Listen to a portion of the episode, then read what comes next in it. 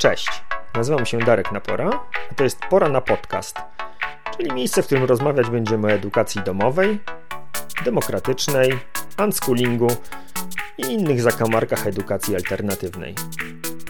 W kolejnym odcinku będę rozmawiał z Barbarą Grzegorzewską.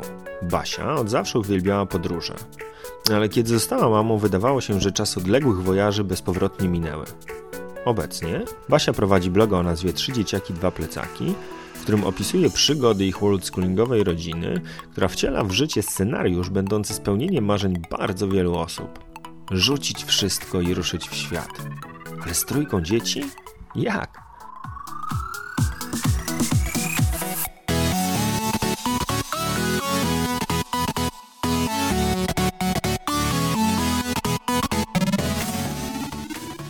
Witam Ciebie bardzo serdecznie.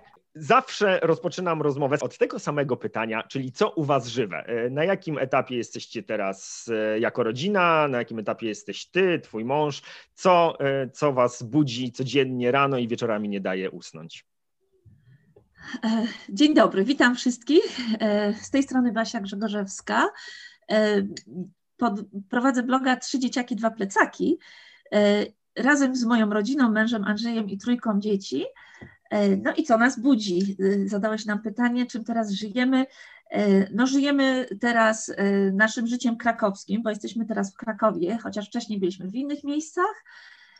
Żyjemy stacjonarnie, do czego nas zmusił koronawirus poniekąd, ale dosyć nam się teraz podoba to życie. Zajmujemy się różnymi swoimi pasjami.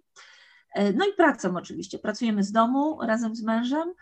E, zajmujemy się pasjami, moją pasją oprócz podróżowania jest rysowanie, więc się zajmuję również działalnością rysunkową, robię notatki, wizualne ilustracje.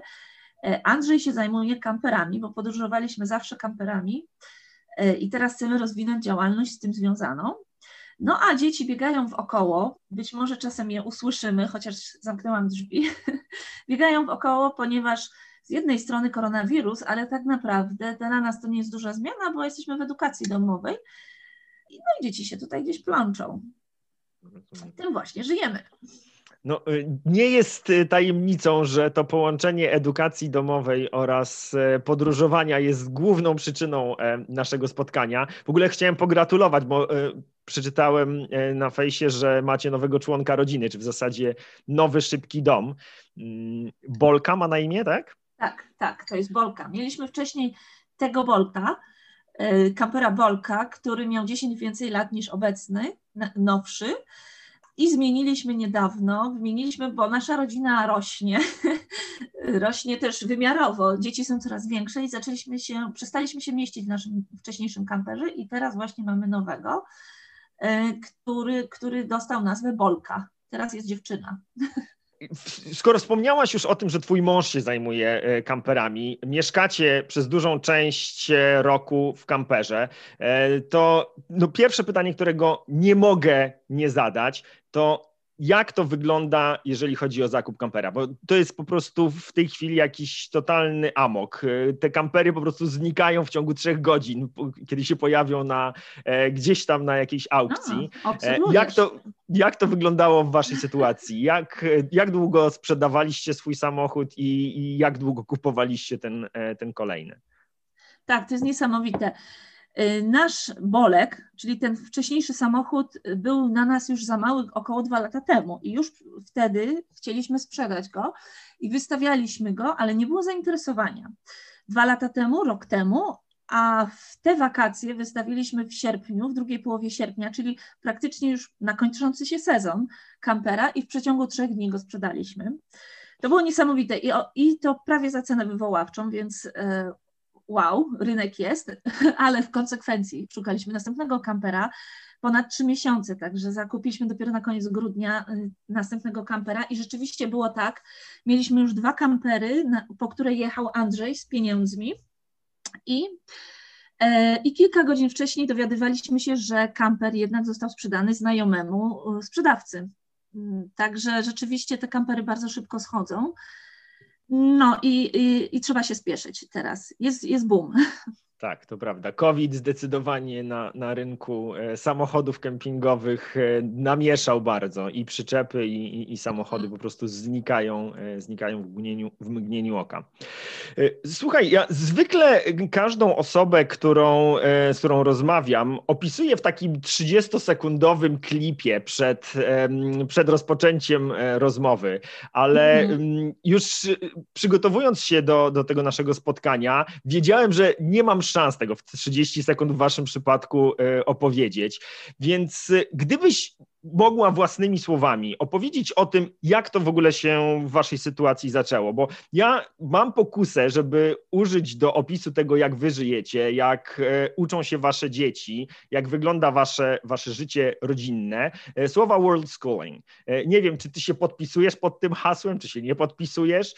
I, i gdybyś mogła zidentyfikować się, jakby opisać, jak to wyglądało w waszej sytuacji, w którym momencie, dlaczego zdecydowaliście, że podróże są dla was takie ważne, jak to wyglądało w momencie podjęcia decyzji, czy, czy to była jakaś e, trudna sprawa, która wymagała e, wielkich poświęceń, czy po prostu z dnia na dzień stwierdziliście, kurczę, po co siedzieć w domu, ruszamy w drogę. E, jak to, jak to wyglądało? Jak -hmm. World Schooling wygląda w waszym wydaniu? Czy, czy w ogóle identyfikujesz się z tą, z tą nazwą? Mm-hmm. To nie będzie w 30 sekund. No właśnie. E, tak. No ja nie wiem, czy się identyfikuje. World schooling to brzmi tak, tak jakoś tak fancy. Mhm. E, ja myślę, ja się raczej traktuję nas jako taką normalną rodzinę, która po prostu jakichś tam wyborów podejmuje. Każda rodzina jakieś wybory podejmuje i ja jestem przekonana, że każda rodzina jest w jakiejś kwestii wyjątkowa. No ty na przykład prowadzisz podcasty i też się interesujesz edukacją domową, też jest mnóstwo ciekawych rzeczy, które można o tobie powiedzieć. Więc ja nas traktuję jako rodzinę, która pewnych wyborów dokonuje, na przykład y, podróżuje z dziećmi małymi, na przykład podróżuje kamperem i na przykład się zdecydowała na edukację domową. No ale jak to się wszystko zaczęło? No nie, wcale tak się nie zaczęło, że ja miałam wizję y, edukacji domowej, wizję world schoolingu. Wręcz przeciwnie, jak czytałam o takich rzeczach, to sobie myślałam, wow, super, ale kurczę, nie dałabym chyba rady. I to wszystko tak się działo krok po kroku, jak w większości rzeczy w życiu. Po pierwsze, zaczęliśmy podróżować z małym Kacprem, naszym najstarszym synem, też pełni obaw. Jak ja byłam w ciąży, to byłam przekonana razem z mężem Andrzejem, że to koniec podróży, to już koniec podróży egzotycznych i jak byłam na samym początku, w trzecim miesiącu y, ciąży, to polecieliśmy do Chin, żeby, żeby zobaczyć ostatnia duża podróż y, przed nie wiadomo jaką i wieloletnią niewolą. I, I później siedzieliśmy kilka miesięcy na miejscu w Polsce z małym dzieckiem, obeszliśmy na piechotę z wózkiem wszystkie okolice wokoło i nam się zaczęło już nudzić. E, no i, i ten bakcyl podróżowania zaczął dawać o sobie znać, więc, więc pojechaliśmy nad Morze Bałtyckie i tam znowu y, okazało się, że jest fajnie, że się fajnie podróżuje z dzieckiem, ale my nie umiemy siedzieć na jednym miejscu, więc chodziliśmy z tym wózkiem wszędzie, jeździliśmy z rowerami, z przyczepką, no ale nam było za mało. I w końcu jak Kastor miał roczek, to stwierdziliśmy, że spróbujemy pojechać z nim do Meksyku na, na wyprawę. Więc tak się zaczęły te podróże, podróże z dziećmi. Okazało się, że z Kacprem, e, rocz, rocznym Kacprem było całkiem fajnie, bo po pierwsze przyciągał uwagę wszystkich ludzi naokoło, e, otwierał ich, mogliśmy z nimi rozmawiać, dzieci się bawiły, on się bawił z tymi lokalnymi dziećmi. No mieliśmy drzwi otwarte do, do wielu, wielu spotkań i relacji. E, po drugie, y, wcale nie było to takie trudne, bo wsadzaliśmy go w nosidełko albo do wózka i mogliśmy chodzić w różne miejsca, nawet mogliśmy po muzeach chodzić, co później troszkę trudniejsze było, jak dzieci zaczęły biegać i, i mieliśmy na przykład dwójkę, która się nudziła w muzeum, więc, więc okazało się, że to podróżowanie wcale nie jest takie straszne. Wtedy jeszcze nie było też tak nagłośnione na różnych blogach, to było 10 lat temu, podróżowanie wtedy tylko była e, rodzina bez granic na blogu i i chyba tyle. I Mary w plecaku się zaczęła może dwa lata później. No, więc tak to się zaczęło. E, I później, e, ale to jeszcze nie były podróże kamperem. E, I później zdecydowaliśmy się, jak mieliśmy, jak ja byłam w ciąży z trzecim dzieckiem, to dotychczas robiliśmy z dziećmi takie podróże, kiedy mieliśmy trzy tygodnie na przykład w jakimś kraju.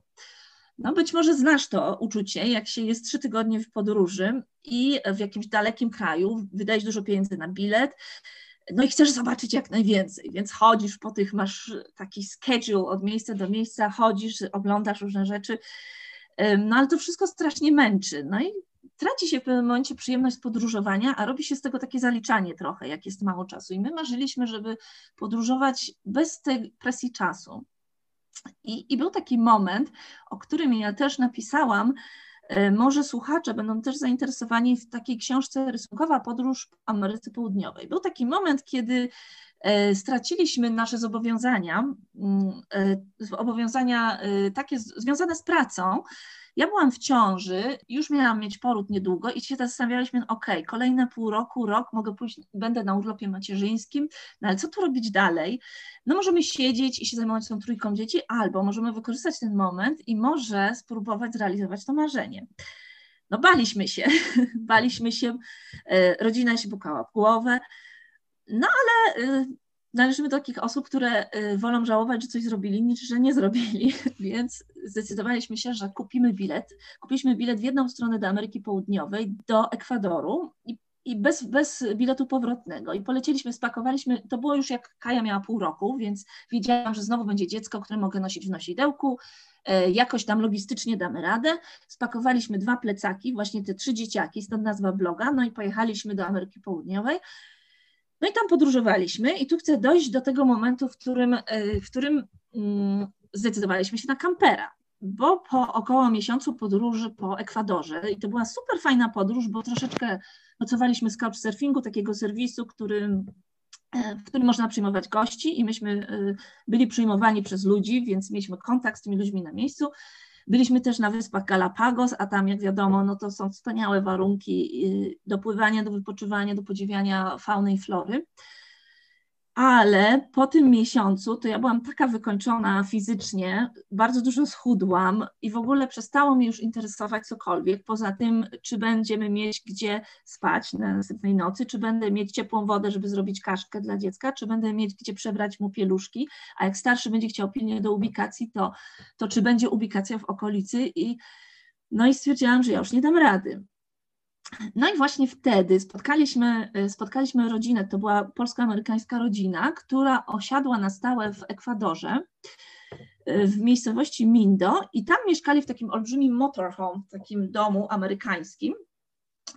E, wykupili kawałek ziemi i mieszkali tam, ale wcześniej sami i z dziećmi jeździli po Ameryce Południowej. I oni, ponieważ właśnie to była Polka, to oni nas zaprosili na spotkanie tam do nich, e, siedzieliśmy u nich, e, mieliśmy jeszcze żubrówkę z Polski, więc wypiliśmy tą żubrówkę razem i, e, no i rozmawialiśmy i oni nas namówili na zakup kampera. Powiedzieli, że, to, że się podróżuje fajnie tym, oni to sprawdzili. Ja jeszcze znam hiszpański, więc oni powiedzieli, że jak znam hiszpański, to już się dogadam z każdym policjantem, nie ma problemu. Oni lubią, jak się mówi po hiszpańsku. No i, e, e, no i wtedy poszukaliśmy kampera. Był jeden, jedyny dostępny na północy, ale już widzieliśmy mniej więcej, co się robi, jak, jak załatwić papiery. I kupiliśmy od pary belgijskiej, tam w Ameryce Południowej najczęściej się kupuje od podróżników takie kampery. E, niektórzy ludzie przyjeżdżają do Ameryki Południowej, często ze Stanów, podróżują kamperem i później chcą tego kampera sprzedać, często z zyskiem. E, I takie kampery jeżdżą i jeżdżą i jeżdżą, dopóki się nie zdezelują w Ameryce Południowej, albo ktoś ich nie zepnie z klifu, żeby nie musieć się ich pozbywać. Słyszałam takie historie. W każdym razie ten kamper to był niewielki kamper, e, który mieścił cztery osoby, ale my, pięcioosobowa rodzina, ale z małym dzieckiem, stwierdziliśmy, że się zmieścimy.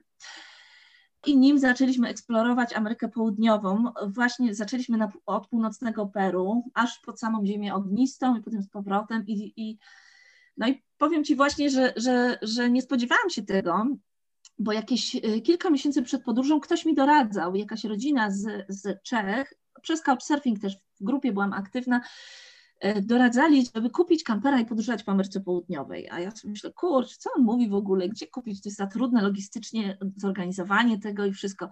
No a potem się okazało, że krok po kroczku doszliśmy do tego, a później po powrocie do Polski tak się zakochaliśmy w kamperze, że stwierdziliśmy, że, że chcemy kupić też, mieć kampera na Europę. Dobra, bo poczekaj, bo już żeś tak, tak. taką y, pętlę przez historię przeleciała, że muszę ciebie zatrzymać, bo mi się milion pytań po drodze pojawiło. Słuchaj, no pięknie, pięknie, tylko wiesz, y, w dwóch słowach ujęłaś rzecz, która dla większości ludzi jest w ogóle nie do przełknięcia. Powiedziałaś, że jakby straciliście zobowiązania związane z pracą. Potrzebuję, żebyś mi to rozjaśniła. To znaczy, w naszym przypadku to wyglądało tak, że on wcześniej miał pracę etatową, on jest y, programistą CAD i CAM, miał pracę etatową, ale z niej zrezygnował, a ja miałam w tym czasie dwie prace. Mm, prowadziłam szkołę językową ze wspólniczką i miałam taką pracę freelancera, zdalną pracę kilkugodzinną dziennie, y, dobrze płatną całkiem, ale zaczęły się w tej firmie robić y, cięcia. No i postanowiono mnie w związku z, to była firma amerykańska, i postanowiono mnie w związku z tymi cięciami y, zwolnić, czyli pożegnać się, kontrakt freelancerski, więc rozwiązanie tego kontraktu. Więc w tym momencie, a wspólniczka ze szkoły językowej postanowiła, że ona chciałaby prowadzić sama tą szkołę językową, y, budować swoją markę, a nie dzielić się y, firmą i zyskami. Więc y, ja się z nią musiałam dogadać, jak my zamykamy tą sprawę, a wiedziałam, że będąc w ciąży, nie będę mogła uczyć i zajmować się dziećmi y, tą szkołą. Także musieliśmy się dogadać i się zdecydowaliśmy, że ona przejmuje większość, jakoś tam odpowiednio, odpowiednio to rozwiązując. No w, tej, tej mojej pracy y, freelancerskiej, no po prostu musiałam przyjąć decyzję, y, decyzję tej firmy. No Andrzej nie miał wtedy pracy, bo zostawił wcześniejszą pracę. No i właśnie byliśmy w takim momencie, że się zastanawiamy, czy nasze oszczędności przeznaczymy na podróż, czy zaczynamy znowu życie tak zwane, y, no wiesz, takie stabilne, rozsądne życie, jak każdy ma, życie w systemie, mhm. czyli Andrzej szuka pracy, znajduje ją, pracuje, a ja się zajmuję dziećmi, wychowuję i tak dalej. Dzieci jakieś tam żłobki, przedszkola i czyli albo wracamy normalnie do takiego życia nudnego w cudzysłowie, mhm. albo, y, albo no, po prostu zużywamy te nasze, nasze oszczędności. Mieliśmy mieszkanie wtedy w Krakowie, y, znaczy cały czas je mamy, ale postanowiliśmy, że jeśli pojedziemy, to je wynajmiemy to mieszkanie w Krakowie. No i, y, no i rozłożymy to jakoś, zaplanowaliśmy sobie budżet. Ten budżet miał wynosić bodajże 50 dolarów na dzień. Oczywiście się to nie udało. Prawie nigdy nam się nie udaje dotrzymać budżetu, ale niewiele, niewiele go przekraczaliśmy. Y, no i, no i wyruszyliśmy w tą podróż. Mhm.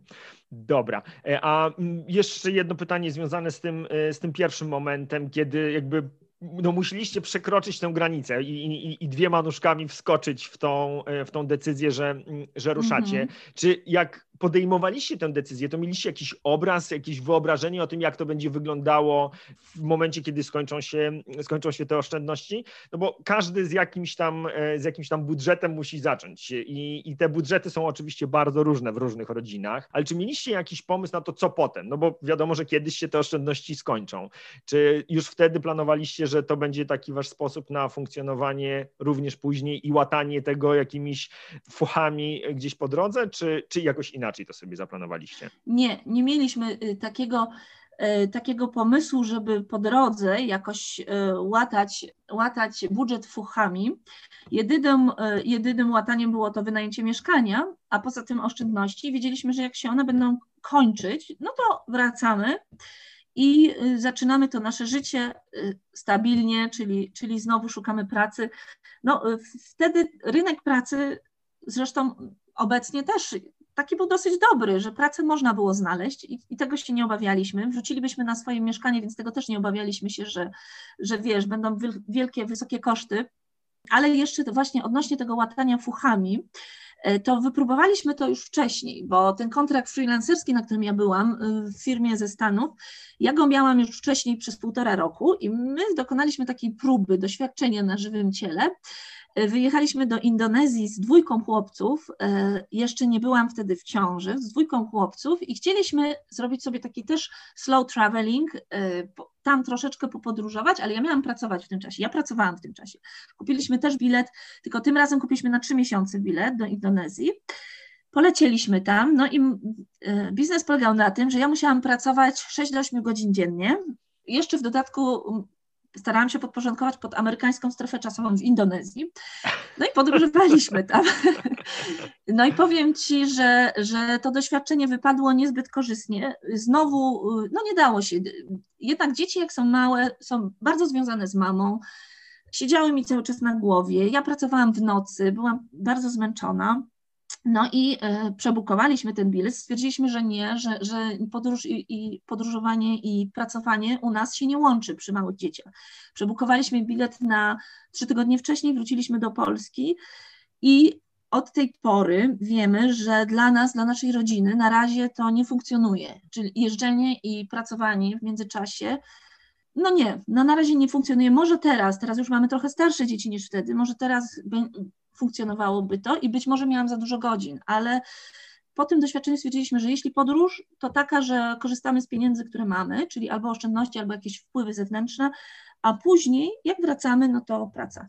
Mhm. To ciekawe, bo y, u nas y, Szczególnie ten covidowy czas, bo ty wspomniałaś mhm. o tym, że, mm, że dla was COVID był jakby przyczynkiem do tego, żeby wrócić do Polski i ogarnąć sobie tutaj tę, tę rzeczywistość, kupić nowy samochód między innymi. Mm, mhm. U nas dokładnie na odwrót. No my w tym roku żeśmy po prostu odnotowali chyba największą ilość dni podróży od, od kiedy dzieciaki się, e, się urodziły i, i rzeczywiście to było tak, wow. że, że nagle ta praca zdalna stała się takim standardem, który już nikogo nie niepokoił, e, bo my próbowaliśmy to robić wcześniej, ale mhm. no to było takie, wiesz, my również prowadzimy szkołę językową z Magdą i organizujemy obozy dla dzieciaków w tem, więc mhm. no w momencie, kiedy ta szkoła była tutaj w realu, no to przychodziły dzieciaki, przychodzili rodzice, trzeba się było z nimi spotykać. No i to, to była jakby potrzeba takiego fizycznego kontaktu. Natomiast y, no, w tym 2020 roku i teraz wciąż w 2021 y, jest tak, że, że, że spotkania z rodzicami przez Zooma, rozmowy telefoniczne i, i zajęcia online, które w zasadzie wszyscy lektorzy y, poza wyjątkami tam w tych klasach 1-3 no, są, są również prowadzone przez, przez internet. No i jakby zniknęła, zniknęła potrzeba tego, tego fizycznego kontaktu. Mm-hmm. Także, także myślę, że to. Uwolniło was to. No bardzo, bardzo.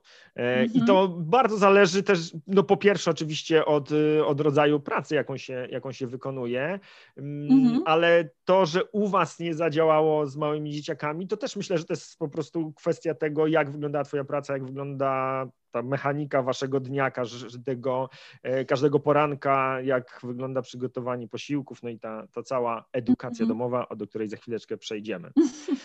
No, więc tak. więc tak, to, tak, to, tak to wyglądało u nas teraz. To ciekawe, co powiedziałaś, że, że u was y, dokładnie, dokładnie no. A gdzie podróżujecie teraz w tym czasie COVID? Po, głównie Polska czy, czy Europa? Nie, czy... nie, w ogóle. W Polsce to z Polski żeśmy zwiali po prostu jak tylko mogliśmy. Y, wiesz co, no mhm. Spędziliśmy dwumiesięczny prawie wyjazd taki na, na zachód ponieważ ja jestem wspinaczem. Cele naszych podróży są zawsze związane z tym, czy w okolicach są skały, więc pojechaliśmy mm -hmm. do Francji i potem północne wybrzeże Hiszpanii. No i potem żeśmy sobie powoli wracali, wracali do Polski.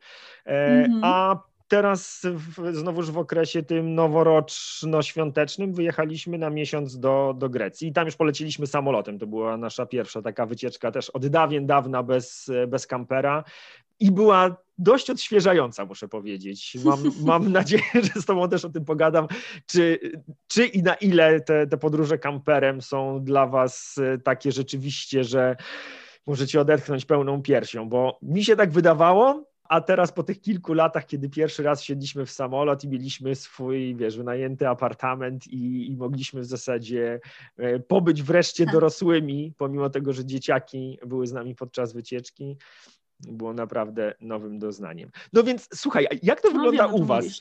E, jakbyście mieli. E, jakbyś miała tak oszacować, ile czasu, nie wiem, w skali roku, czy, czy w skali miesiąca, nie wiem, jak to sobie obliczacie, spędzacie, spędzacie mhm. w podróży?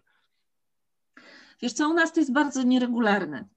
Mamy takie lata, w których, e, bo my właśnie lubimy takie długodystansowe podróże, długookresowe, więc są takie lata, w których mamy właśnie kilka miesięcy w podróży, a są takie lata, kiedy osiadamy i się skupiamy na albo życiu zawodowym, albo na szkole, powiedzmy, częściowo, no na siedzeniu. E, I wtedy robimy takie mini trips, albo weekendowe, albo gdzieś tam na tydzień czy na dwa lecimy.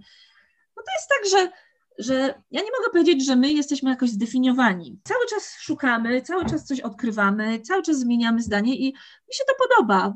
no jakoś, no taki mam charakter, że, że lubię różne rzeczy próbować, mój mąż też lubi różne rzeczy próbować, więc próbujemy też różnych rodzajów stylów życia. No i właśnie dlatego teraz osiedliśmy przez COVID poniekąd, no wakacje też podróżowaliśmy kamperem, ale teraz można powiedzieć, że osiedliśmy, no i to nam się podoba. Próbujemy właśnie inne pasje rozwijamy, jakieś inne działalności nasze. No nie umiem Ci odpowiedzieć na pytanie, ile w roku podróżujemy. Tak jak mówię, jeśli weźmiesz pod uwagę rok, w którym byliśmy 8 miesięcy w podróży, no to dużo. Jeśli weźmiesz później kolejny rok, w którym mieszkaliśmy w Berlinie przez y, dwa lata prawie, niecałe, i tam robiliśmy tylko wycieczki w wakacje albo takie tydzień, dwa y, na ferie, no to może dwa miesiące by się już zbierało podróży w roku w tym czasie. Ale to słuchaj, to w ogóle niesamowicie dosyć brzmi, no nie? Że jak u ciebie w głowie e, to, że jesteście gdzieś na ośmiomiesięcznym wyjeździe, to jest wyjazd, ale jak jesteście przez dwa lata w Berlinie, to już nie jest wyjazd. A, okej. Okay. Mnie ciekawi, gdzie, jak to rozróżniasz? Kiedy to jest wyjazd, a kiedy Właśnie. to jesteśmy w domu? No nie wiem, nie wiem. Dobrze, że mnie na tym złapałeś, to się nad tym zastanowię. No, w każdym razie to, to fascynujące, jak, jak, jak różnie to, to postrzegasz, jak różnie to w Twoich e, opowieściach e, wygląda. Mm. Słuchaj, to teraz chciałbym, żebyśmy się trochę powymieniali, jak wszystkie rodziny jeżdżące kamperami, o tym, jakie macie patenty i patenciki na, na to podróżowanie. No bo jak, mm. wiesz, jak rozmawiasz z osobą, która nie spędza dużo czasu w samochodzie, no to ona w ogóle zachodzi w głowę, jak to jest, jak to jest wykonalne. I pierwsza podstawowa rzecz, no jak ludzie jadą na wakacje, wakacje, to pierwsze, y, co myślą sobie o tym, że jest potrzebne, żeby wypoczywać, to żeby mieć podane pod nos żarcie. No, jak no. jesteś w kamperze, to szczególnie z, w moim przypadku dwójką, a w Twoim przypadku trójką dzieci, no nie da się tak zrobić, żeby mieć cały czas pod nos poddane. Więc jak to wygląda e, u Was podczas podróży z przygotowywaniem żarcia? No słuchaj, no, dla mnie właśnie kamper jest wygodniejszy, niż e, chodzenie do restauracji. W większości przypadków. Czasem lubię, ale w większości przypadków jest wygodniejszy.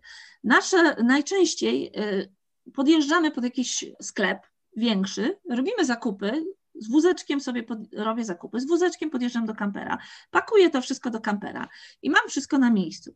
No i następnie, jak dzieci są głodne, to im przygotowuję jedzenie, moje dzieci czasami są wybredne, chcą to, nie chcą tamtego, no więc y, mam taką wygodę, że mam wszystko pod ręką.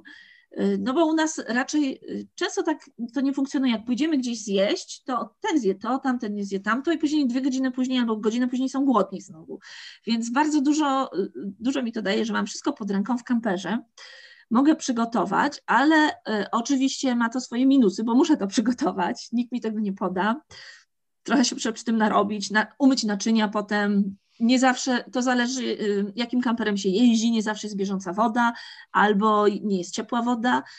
Y, no więc są minusy tego, y, ale generalnie mi się bardzo podoba to, a najbardziej mi się podoba, słuchajcie, dobra, dla tych, którzy nie mają kampera, najbardziej mi się podoba taka wizja podjeżdżamy sobie, bo najczęściej na dziko stajemy, więc podjeżdżasz sobie na przykład pod piękny las, na parking obok lasu, albo gdzieś tam powiedzmy na jakieś wybrzeże, stajesz, otwierasz drzwi, dzieci wybiegają, biegają sobie tam i się bawią, a ty w spokoju robisz sobie kawę, możesz się jej napić, możesz sobie zrobić to jedzenie, które chcesz, a jeszcze dzieciom tam możesz jajko usmażyć, coś takiego. No i za chwilę one przyjdą, powiedzą, że są głodne, więc im zaserwuje to jedzenie, a ty masz wygodę, zero stresu, no i w dodatku jest to dużo korzystniejsze niż jedzenie w restauracji, więc ja taką wizję sobie buduję przed każdą podróżą kamperem i to mi pomaga. A pranie? Jak to sobie z tym radzicie? Wiesz co, jeżeli chodzi o pranie, no to gromadzimy pranie na bieżąco i potem przy długich podróżach oddajemy do pralni regularnie. Mhm. E, czasami coś bierzemy tak i suszymy no jak jesteśmy w ciepłym klimacie, no to, to szybko schnie, więc e, czasami jeździmy z kamperem, w którym są sznureczki rozciągnięte i tam mamy porozwieszane rzeczy, które szybko sną w przeciągu dwóch, trzech godzin. E, a, e, czyli to takie na bieżąco jest pranie, ale dużo rzeczy składamy do wora, potem oddajemy do pralni i z reguły w pralniach, w, zwłaszcza na przykład w Ameryce Południowej czy w Azji, w tych krajach, gdzie jest ciepło, można rano oddać i po południu otrzymać i to jeszcze w dodatku pięknie złożone i wyprasowane, co jest w ogóle dla mnie luksusem, więc, y, więc zawsze tak, tak korzystamy z pralni. No jak się pakuje, to ja zawsze biorę y, zestaw na 5 dni mniej więcej, 5 do 7 dni, więc y, kilka dni wytrzymujemy w ubraniach, tych, które mamy, no a potem szukamy pralni. E, myśmy też mieli patent z siedmioma dniami. E, podczas ostatniego wyjazdu żeśmy zeszli do czterech dni, w sensie cztery zmiany żarcia, cztery zmiany ubrań. W zupełności to wystarcza podczas, mm-hmm. podczas podróży, a oszczędność miejsca w środku jest, jest gigantyczna, szczególnie, szczególnie jak się wyjeżdża w takim okresie wiosennym i jesiennym, kiedy o, my tak. często podróżujemy i te ubrania to już wiesz, nie są mm-hmm. trzy pary porteczek krótkich, tylko tylko musisz mieć po prostu ciepłe ciuchy, ciepłe buty, to to, to naprawdę, tak, tak. naprawdę dużo zmienia. E, no i w czasie podróży po Europie bardzo, bardzo przydatne są też te wszędobylskie e, laundromats, czyli taka pral, pralka ogólnie dostępna na monety z A, tak. suszarką. Tak. Mhm. tak, tak. No Z tego korzystaliśmy często w Australii czy w Nowej Zelandii. Tam są też rozpowszechnione. Mhm. Okej, okay. no a wspomniałaś też o tym, że zdarzają się Wam takie wyjazdy, bo nie powiedziałaś o nich podróże, yy, dłuższe, czyli dwa lata w Berlinie, osiem miesięcy. Yy, to, ta ośmiomiesięczna wycieczka to była Australia, tak? Osiem miesięcy w Ameryce Południowej. Ameryka Południowa. Mm. Mhm. Yy, jak ogarniacie wtedy, nie wiem, kwestie opieki medycznej, jakichś szczepień, lekarstw? Jak, jak sobie z tym mhm. radzicie? Mam na to bardzo prostą odpowiedź. Po pierwsze, w Europie nas obowiązuje Europejska Karta Zdrowotna, czy nie wiem, jak ona się oficjalnie nazywa. W każdym bądź razie mamy tą kartę i z niej korzystamy w razie czego. EKUS, tak? Na wyjazdy. Mówisz? Słucham? EKUS, tak? Taka ta szara kartka, co tak. że jak tam idzie do lekarza, to. Mhm. Tak.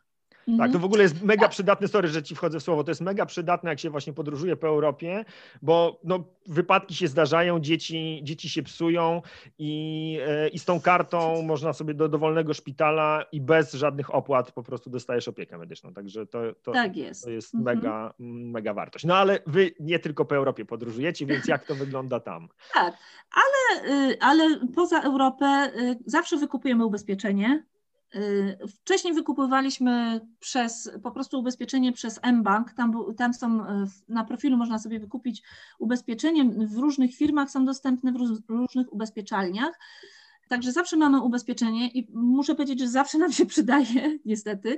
Za każdym razem mamy przynajmniej jedno wydarzenie jakieś, ale też y, nie chcę tutaj straszyć nikogo, z każdego wydarzenia się da wyjść. Mieliśmy już zapalenia ucha, złamaną rękę, jakieś tam biegunki różne, Także wszystko jest do zrobienia i czasami jest naprawdę na wysokim poziomie ta obsługa.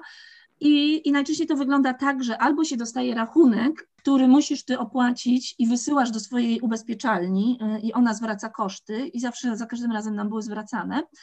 Albo raz mieliśmy taki przypadek, ale to jest raczej y, rzadkość.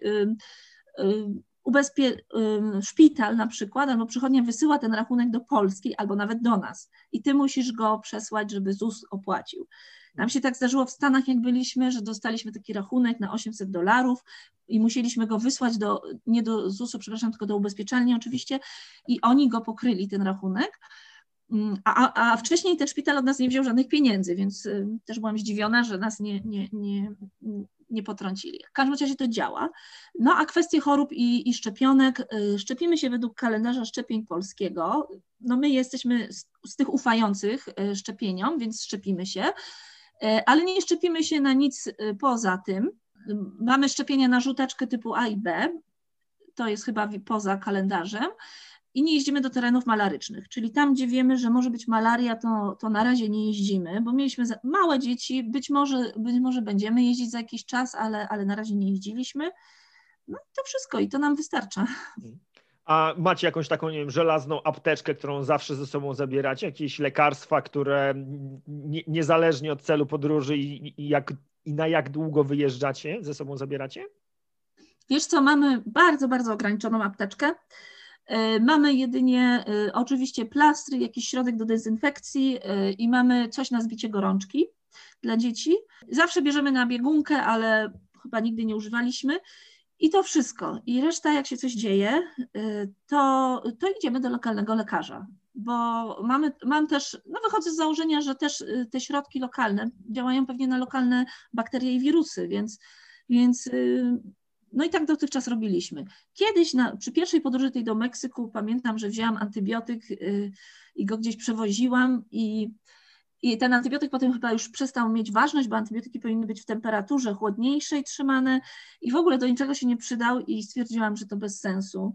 A zresztą jakby dziecko było chore, to przecież go nie będę sama diagnozować i Także, także mamy bardzo ograniczoną. Wszystko kupimy na miejscu. Zresztą podobnie, podobnie e, robię e, z pakowaniem się. Z doświadczenia wiem, że jeśli czegoś zabraknie, no to mogę to kupić na miejscu. Nie ma paniki, nie ma, no wszystko jest, wszystko nawet w Boliwii, w, w jakiejś tam malutkiej miejscowości kaszek nie mogłam znaleźć ale za to znalazłam mleko w proszku. E, pieluch nie wszędzie mogłam w Boliwii znaleźć, ale już w większych miastach były w marketach, także naprawdę wszystko można znaleźć. Teraz mamy globalizację.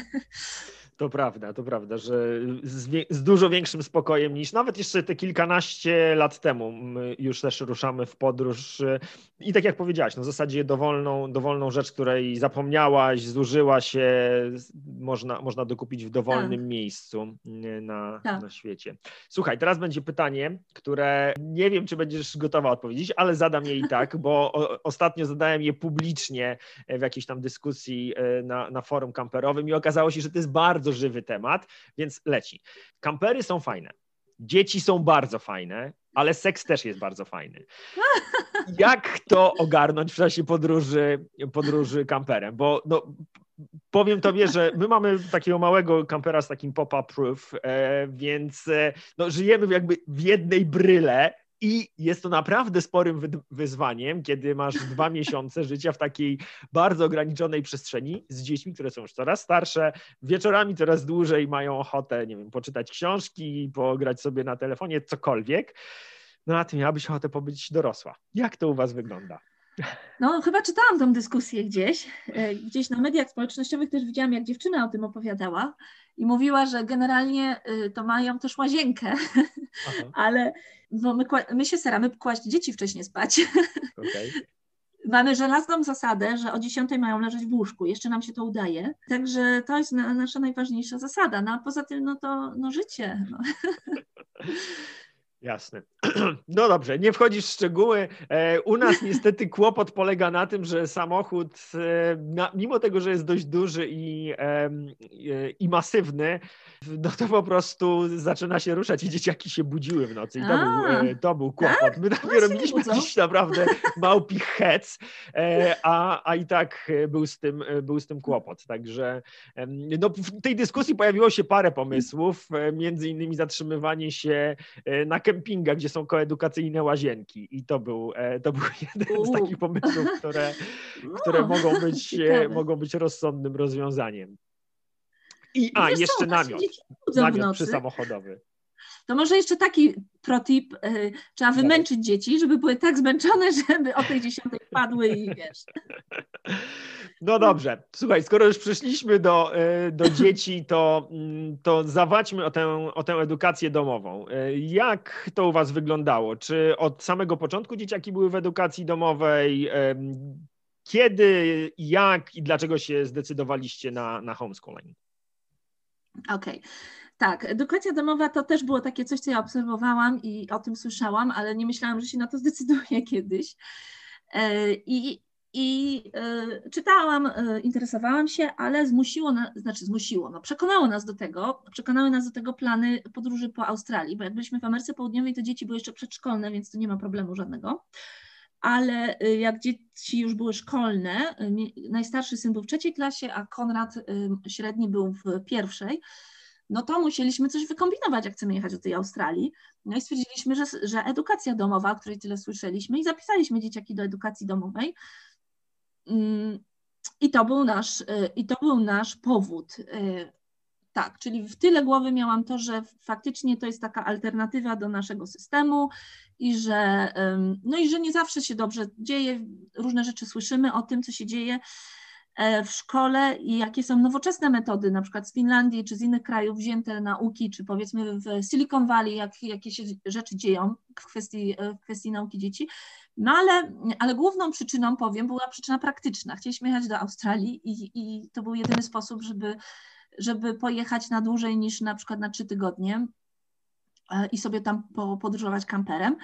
Także zdecydowaliśmy się na edukację domową, i byliśmy w jednej szkole, a po roku ją zmieniliśmy na inną. Tak, i się pytałeś, jak wygląda, tak? Wiesz co, nim e, przejdziemy do tego, mm -hmm. do tego jak wygląda wygląda wasz taki typowy homeschoolingowy dzień, choć jak wszyscy, którzy już są w edukacji domowej wiedzą, nie ma czegoś takiego jak typowy dzień w edukacji domowej, mhm. e, to chciałem jeszcze zapytać, bo to znowuż jest mega ciekawy temat o, o tych zmianach szkół, mm, że mhm. dla wielu rodziców, e, teraz wiesz, jest gorący moment na, na, na, te, na ten temat, bo mm, mhm. Za chwilę zaczyna się rekrutacja do szkół, no nie? I dla wielu rodziców to jest życiowa decyzja, którą podejmują dla swoich dzieci. I ten wybór szkoły taki się wydaje po prostu albo wybiorę tak, dobrze, myślałem. albo zniszczę dziecku życie. E, więc e, gdybyś mogła opowiedzieć o tym, e, jak te decyzje wyglądały u Was i, i dlaczego podjęliście decyzję o, o, zmianie szkoły? Tak, jest taka tendencja teraz, pełni się z tym zgadzam, że te nasze decyzje odnośnie dzieci, zwłaszcza szkoła, przedszkole, jakieś tam towarzystwo, to są takie life changing, że one naprawdę tak wpłyną, zniszczą to dziecko nasze albo, albo nie. No to jest jedna z, jedna z wielu rzeczy. Ja myślę, że tak naprawdę to najbardziej dzieci kształtują e, relacje w rodzinie, jakie są, czyli jakie się ma z mężem relacje, e, jak się rozmawia z dzieckiem, to, to najbardziej kształtuje dzieci. No ale oczywiście, jak dziecko cały dzień jest poza domem, to, to się nie ma tych relacji z dzieckiem. No tak, y, dużo o tym myślałam. Myśmy też próbowali szkoły y, edukacji demokratycznej przez chwilkę. Y, byliśmy w Niemczech i tam byliśmy w szkole systemowej, w niemieckiej szkole, w dwóch różnych szkołach też. Tak, ale ty się pytasz o zmianę szkoły w edukacji, w edukacji domowej. Mhm. Tak, pierwsza, pierwsza szkoła to była dobra szkoła i w niej mieliśmy dzieci i one miały zdawać egzaminy na podstawie podręczników, przerobienia podręczników. No i, y, no i, i to jest taki jakby klasyczny, klasyczna szkoła, klasyczna edukacja domowa, czyli przerabia się z dziećmi, y, znaczy może nie klasyczna, co taka, jak sobie wyobraża pewnie ustawodawca, ustawodawca na papierze, że się przerabia z dziećmi podręcznik od deski do deski i to dziecko ma tą wiedzę i potem idzie na egzamin i tak jak się na studiach egzaminy zdaje, to to nasze dziecko też tak zda egzamin y, z tej wiedzy akurat, no nie? z tego przedmiotu i będzie mówić na temat. Y, no i tak zdawaliśmy. No i niby było wszystko ok, ale y, znajomy namówił nas, żebyśmy przetestowali szkołę, y, w której, w której zakłada się, że dziecko musi przyswoić taką minimalną ilość wiedzy. Ten system u nich się nazywa Wiem, co trzeba. I polega to na tym, że przerabia się z dzieckiem materiał, ale właśnie to minimum. To nie jest już cała książka. Na przykład teraz mamy Kacpra najstarszego w piątej klasie i do języka polskiego są trzy książki bodajże takie grube. Ja sobie nie wyobrażam to wszystko przerobić z Kacprem, natomiast wiem, co trzeba, to jest taka dawka wiedzy na każdy miesiąc um, do przerobienia powiedzmy w dwa dni, w jeden dzień być może, się da przerobić. No i daje takie podstawy. No i później dziecko zdaje egzamin e, i e, może zdawać go w formie rozszerzonej, może go zdawać w formie takiej nierozszerzonej. E, w każdym razie jest to dużo bardziej przyjemniejsze, bo to nasze przerobienie tego wiem, co trzeba, to jest taka nasza formalna nauka, którą robimy. I ja to przerabiam z dziećmi i na tej podstawie wiem mniej więcej, czego oni tam liznęli. A ja potem mogę do tego nawiązywać podczas na przykład wyjścia do jakiegoś muzeum, do, podczas podróży, podczas oglądania filmu. I to nam daje taką orientację mniej więcej. No i ten system nam się podoba i w nim jesteśmy teraz. Mhm. A jeżeli chodzi o Twoje, nie wiem, jakieś wyobrażenia, oczekiwania o tym, co, co z tej edukacji domowej e, wyniknie? Bo no, ja jestem z takiego bardzo unschoolingowego e, rozdania mhm. rodziców. E, nasze dzieciaki są w edukacji domowej oraz w miejscu, które no, do tej pory egzaminy to jest. Hmm, taka rzecz, która, y, którą ja bym powiedział, że kuratorium dostaje to, co kuratoryjne, a my możemy sobie robić to, to co uznamy, uznamy za stosowne, mm -hmm. czyli te, te egzaminy, no to, to jest rzeczywiście taki, e, taki papierek, który po prostu musi zostać w archiwum, a, mm -hmm. a reszta, e, reszta zależy od nas, a w naszym przypadku od, od naszych dzieci. I, I ciekaw jestem, jak ty postrzegasz e, edukację, rozwój mm. swoich, e, swoich dzieciaków. Jakie są Twoje wiem, wyobrażenia o tym, jak, e, jak to wygląda teraz, jak będzie wyglądało za kilka lat, kiedy, kiedy będą przechodzili do liceum, no i ewentualnie później. Czy, mm -hmm. czy, czy masz jakieś przemyślenia na ten temat? Tak, no słuchaj, po pierwsze moje wyobrażenia to, to niestety no, no nie były bardzo nowoczesne kiedyś. Mi się wydawało, że jak dzieci przerobią program, to będą dużo wiedzieć i będą mądre i tak dalej. I ja miałam ambicje przerabiać z nimi ten cały program i te całe książki. Natomiast moje dzieci zaczęły to traktować y, jako kwestia zaliczenia. Po prostu jak ja z nimi robiłam program, to one zaliczały to u mnie, a potem natychmiast zapominały taki mechanizm jest u dzieci w mózgu, e, być może przez moje podejście, że one po prostu chciały zaliczyć i zapomnieć, zakuć i zapomnieć, czyli robiła nam się szkoła. E, I, e, no i widzę, że to w ogóle nie funkcjonuje. Poza tym y, ja widzę w moim życiu dorosłym, jak ja często sięgam do wiedzy z, ze szkoły, mm, która jest w ogóle nieadekwatna. Ja się dużo interesuję y, różnymi kwestiami, jakimiś tam y, nauką, na przykład science fiction, takimi rzeczami. To mnie interesuje, dużo na ten temat czytam, ale te tematy są takie przekrojowe, a natomiast szkoła zawsze jakoś tak jednostkowo kroi wszystko na takiej plasterki i podaje to plasterkowo. I ta wiedza też y, w materiałach, nawet w tej naszej nowoczesnej szkole jest oczywiście plasterkowo podawana, no bo, no bo oni przygotowują, wiem co trzeba też na bazie y, podstawy programowej, więc nie mogą dużo zrobić, więc mm, tak jak mówię, y, jeśli za bardzo poważnie traktuje te, to, co musimy przerobić z dziećmi, to oni to im bardziej to poważnie traktuje, tym szybciej oni to zapominają i chcą odwalić.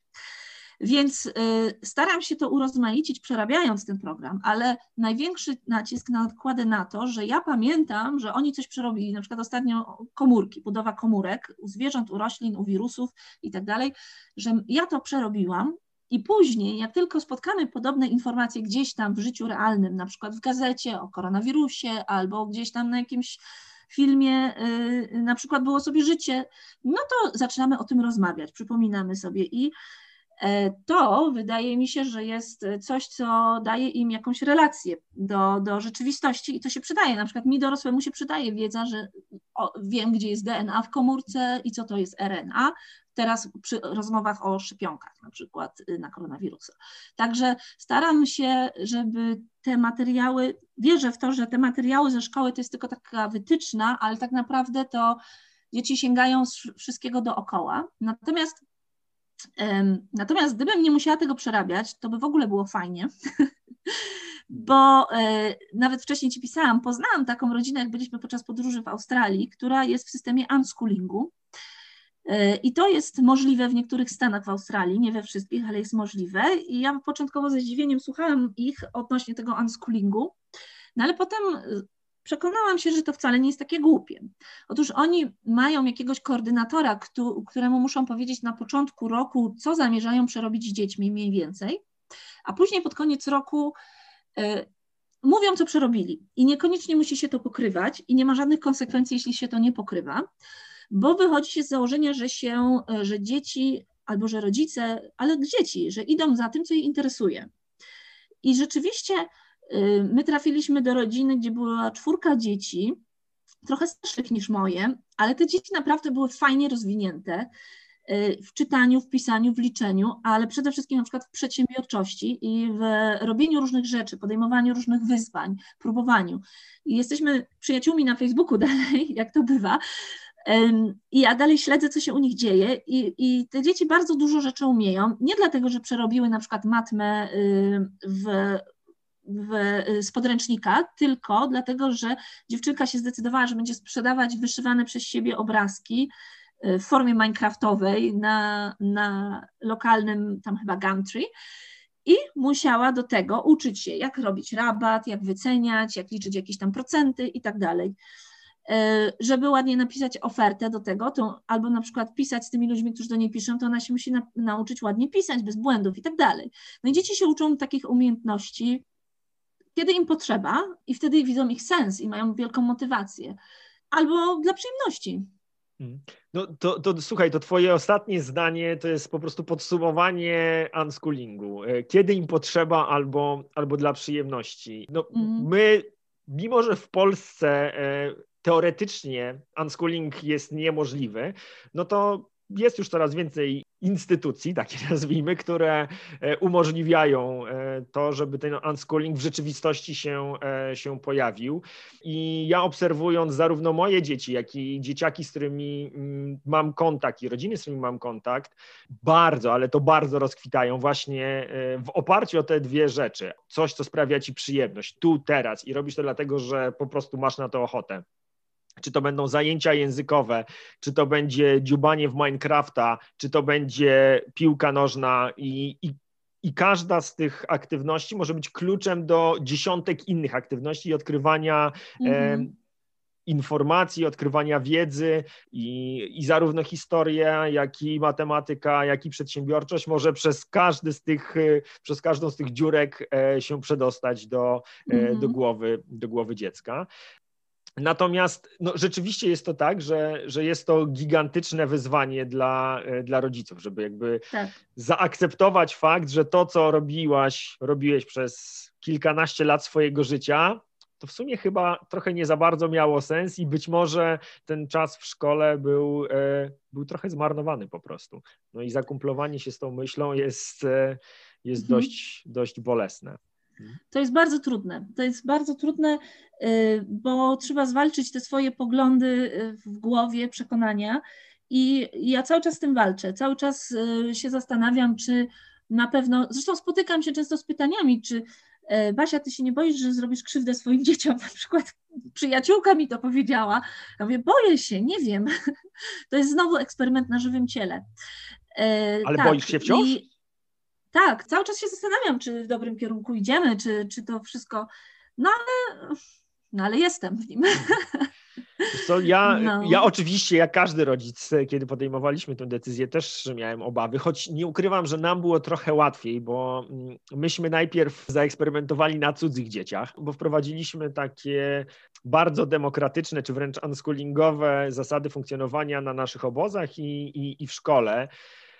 No i naprawdę to, jak gigantyczna zmiana zaistniała w relacjach między dorosłymi a dziećmi, między mm, dzieciakami e, w grupie, no to, to, to, jest po prostu, no jak oglądasz to przez kilka lat i widzisz, jak, jak to po prostu działa, jak to dodaje skrzydeł, jak e, nagle konflikty, które, e, których ty jako opiekun, jako dorosły byłaś albo przyczyną, albo, albo jakby mhm. środkiem i, i, i na tobie się skupiała cała ta, mm, e, całe to napięcie i cała ta złość, nagle się okazuje, że ty możesz być e, dla każdego pomocą. Zawsze możesz przyjść i, i, i wspomóc dzieciaki w rozwiązaniu ich problemów i ich trudności.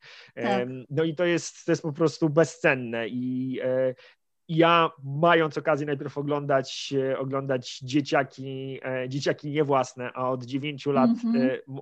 moje własne, e, no już, już na szczęście ten lęk mam za sobą. Choć oczywiście to nie jest tak, że ja wiem, dokąd nas to zaprowadzi, bo mm -hmm, unschooling tak. i edukacja domowa w dużej mierze polega na tym, że oddajesz stery dzieciakom i, i to oni będą mm -hmm. decydować o tym, gdzie, gdzie ta ścieżka ich, ich poprowadzi. Tak, tak. Tak, ale może wbrew pozorom to jest lepiej, żeby trochę pobłądziły na początku, a potem już wiedziały, co, jak to się błądzi, niż, niż później. Tak, Dokładnie. no my, my coraz bardziej jesteśmy demokratyczni w naszej rodzinie, coraz bardziej się staramy, ale obawy wciąż mamy. No i myślę, że to będzie szło w dobrym kierunku. Y, to jeszcze raz y, podkreślę to, y, to co powiedziałaś z tymi błędami i, i, i nauką radzenia sobie z, tych z tymi błędami i, i podążaniem własną ścieżką, a nie taką, którą ktoś tobie przygotował, że jak robisz to w wieku 8 czy 9 lat i postanawiasz, że kurczę, jednak to było głupie, co zrobiłem, no to cóż, to w najgorszym przypadku rodzice zapłacili tam, nie wiem, za dwa miesiące zajęć judo, piłki nożnej albo kupili tak. keyboard, a nie zainwestowałeś 6 lat swojego życia w studia, które potem w wieku Dokładnie. 26 lat mhm. uznajesz, kurde, chyba jednak nie to chciałem w życiu robić. Tak. I, e, no i taki, taki błąd i taka decyzja w sumie nie podjęta, tylko pójście z prądem jest mhm. E, sporo bardziej bolesne. Tak, tak, dokładnie tak. Mhm.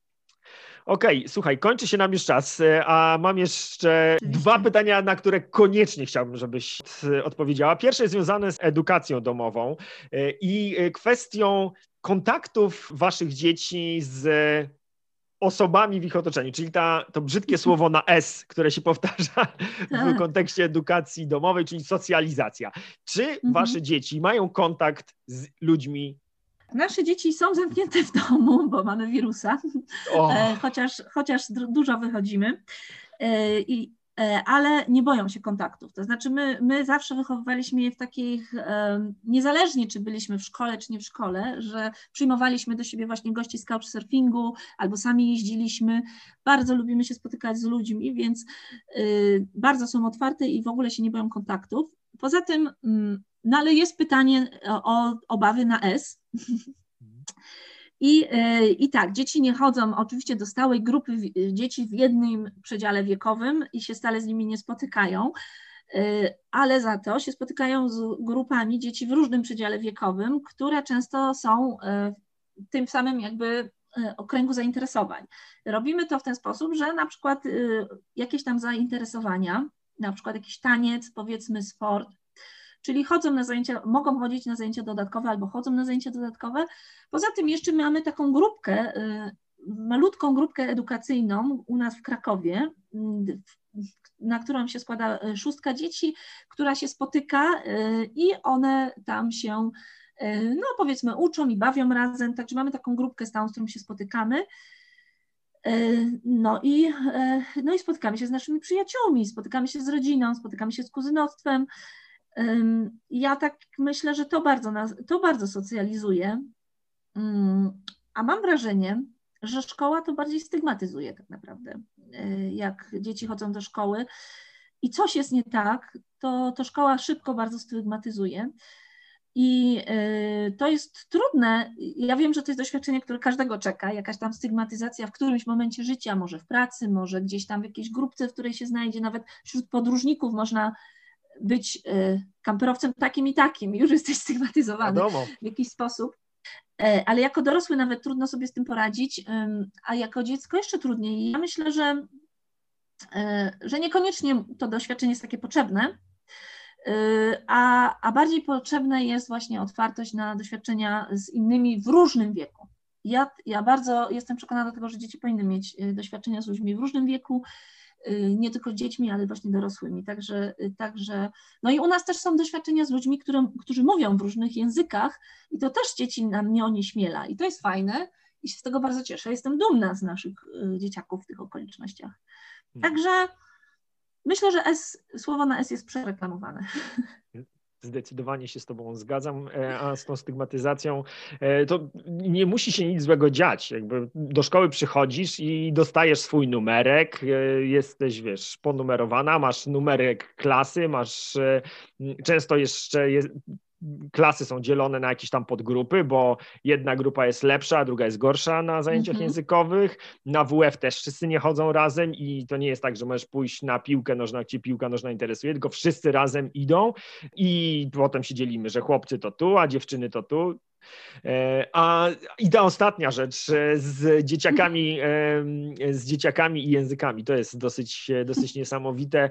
Nie wiem, czy ty też to zaobserwowałaś, jak niesamowicie dzieciakom im nie przeszkadza sytuacja, kiedy nie rozmawiają w jednym języku i po prostu przychodzą dzieci hiszpańskie, francuskie, tajskie i nagle się wszyscy zaczynają bawić, mimo że nikt nie gada w języku tej mhm. drugiej osoby.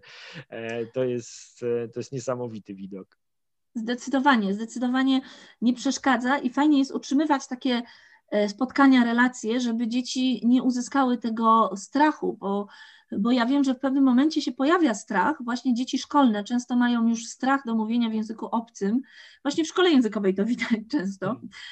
I, I boją się, i ja chciałam tego u, u, u moich dzieci uniknąć. nie chciałam, żeby one miały taki strach, no jednym, jednym z, jedną z form jest dla mnie modelowanie, czyli pokazanie, że ja mam odwagę mówić i, i ja się nie boję i my jako rodzice y, ich zachęcamy. E, no ale ta ekspozycja na te kontakty, wydaje mi się, że to jest kluczowe. I, no i właśnie u mnie jest taka sytuacja, że, że dzieci mówią e, płynnie w językach e, jeszcze dwóch dodatkowych po angielsku i po niemiecku, ale robią błędy i jakby ktoś ich spytał, powiedz coś w past simple po angielsku, to one by nie wiedziały o co chodzi w ogóle. Totalnie. Mój pięciolatek nie wiedziałby, chociaż y, teoretycznie powinien to wiedzieć. Ale on sobie porozmawia z native speakerem na różne tematy.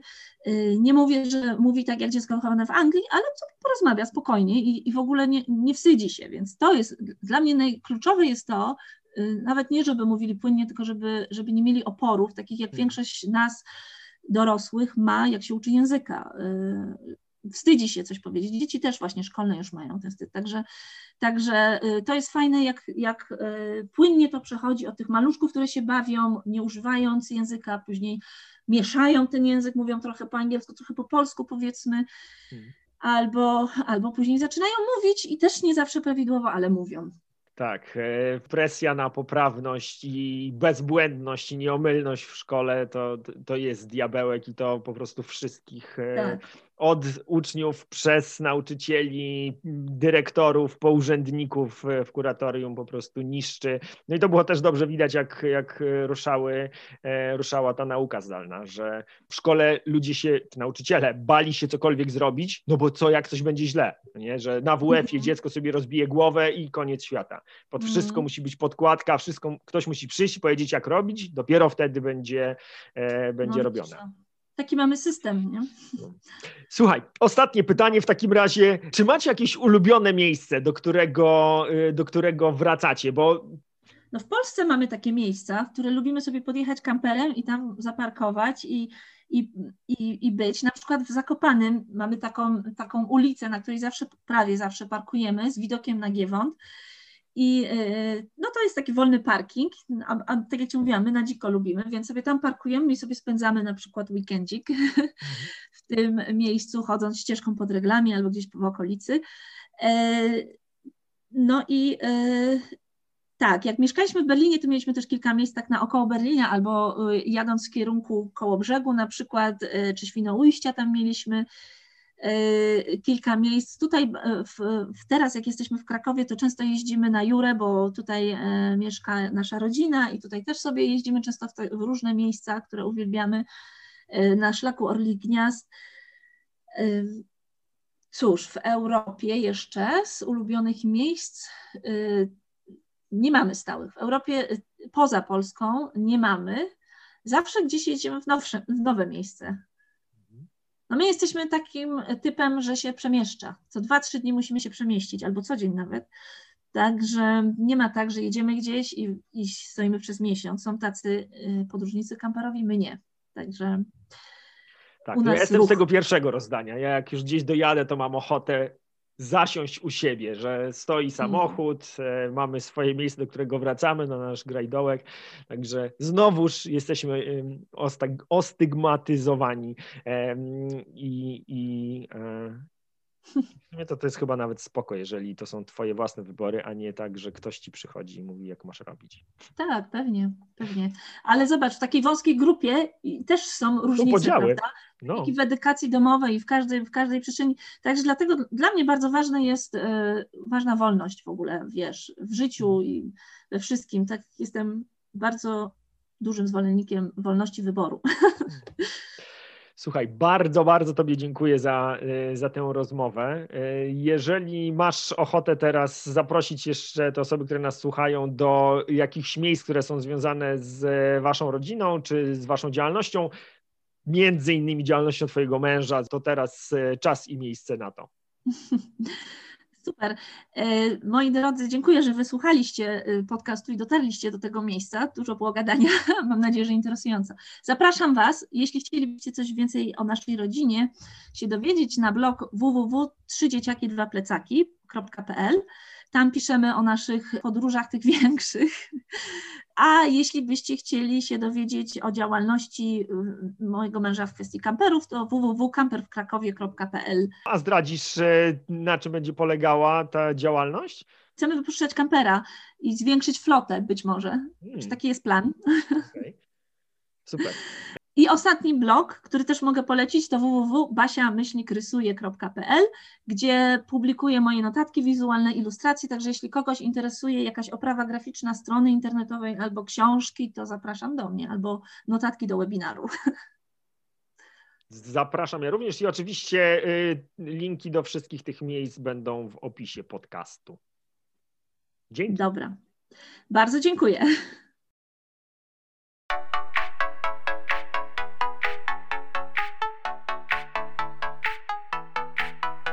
Dzięki za wysłuchanie kolejnego odcinka Pora na podcast. Jeśli uważasz, że był wartościowy, cenny, ciekawy, to zachęcam Cię do udostępnienia go. Jeśli masz jakieś pytania, wątpliwości dotyczące edukacji domowej albo któregoś z tematów, który poruszaliśmy w odcinku, to zapraszam Cię do kontaktu. Mój adres znajdziesz w opisie tego odcinka.